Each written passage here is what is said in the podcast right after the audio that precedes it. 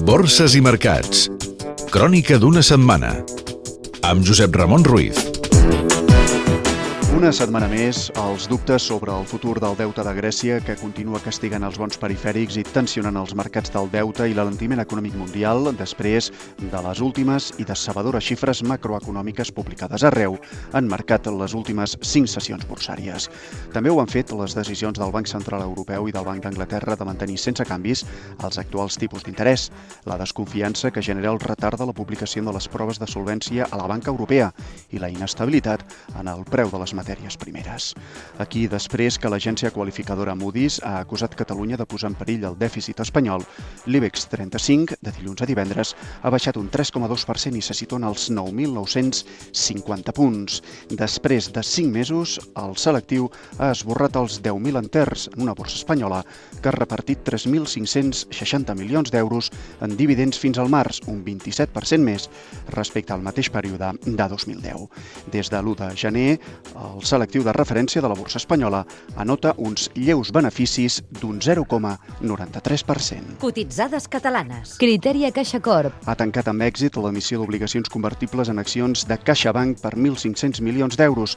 Cada inversor rebrà un mínim de 52 obligacions. Gas natural Fenosa. Analitza participant un 50% en els projectes d'energia eòlica marina que desenvolupa Repsol i Paefa. El Mirall. Els laboratoris han rebut el vistiplau de l'Agència del Medicament del Regne Unit per a la comercialització d'un fàrmac contra una malaltia de la pell provocada per l'excessiva exposició al sol. Fluidra. La Junta d'Accionistes ha aprovat un dividend de 8 milions d'euros, el doble que en l'exercici de 2010.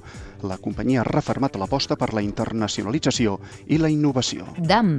El grup cerveser, que s'ha sumat a la cursa per comprar cacaulat i les accions de la CEPI a Eurofoods, s'ha compromès a triplicar la retribució als accionistes.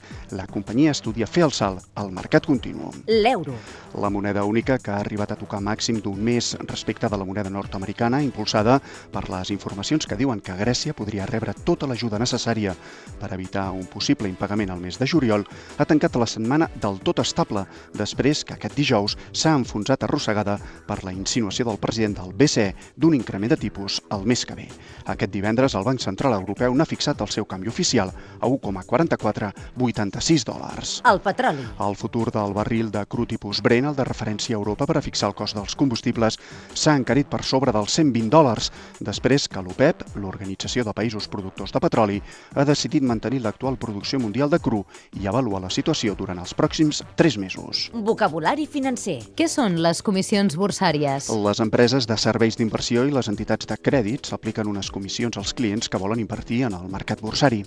Estan obligades a fer públic un tríptic amb el preu màxim i a comunicar qualsevol canvi de tarifes.